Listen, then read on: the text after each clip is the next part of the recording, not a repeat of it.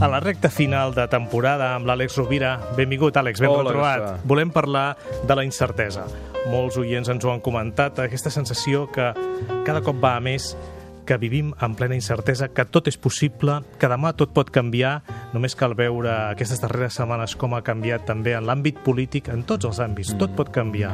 Ens agradaria saber com viu aquesta incertesa l'Àlex i alguna aportació que puguis tenir al respecte.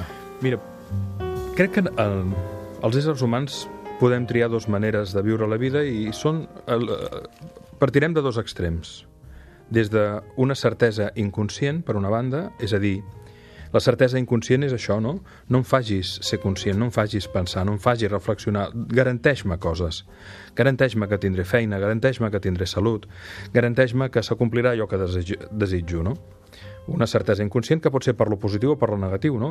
La certesa inconscient és dir, és que jo estic segur que el futur serà fatal, serà nefast, i per tant no m'ho qüestiono, és una certesa inconscient. A l'altre extrem hi hauria la incertesa conscient. Només hem canviat un prefix d'una paraula a l'altra. La incertesa conscient és... assumeixo que no sé. Que no sé què passarà, ni tan sols a l'instant següent. Tots donem per garantit que viurem uns anys. I no. I sabem que hi ha moltes persones que de sobte se'ls acaba la vida per un factor exogen de fora o endogen de dins, alguna disfunció. Aquestes dues postures existencials que els hi podríem dir eh, impliquen una manera molt diferent d'entendre el vincle humà, l'expectativa de la vida, l'esperança, la relació, els valors.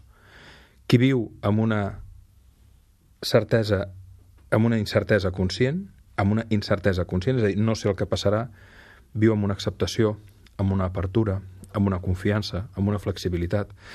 També se sent més responsable, és a dir, com jo no sé què passarà, el futur no és inevitable, és inventable i, per tant, el puc construir jo. Qui vol viure amb una certesa inconscient viu amb una rigidesa, amb una exigència, amb una mala llet quan no passa el que estava esperat, amb una, amb una voluntat de control, amb, amb una obsessió.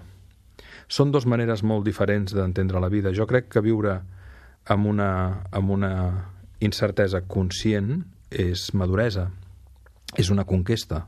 Moltes vegades les persones que han passat per un procés de malalties crítiques i les han superat, de sobte accedeixen a viure la vida d'aquesta manera, no?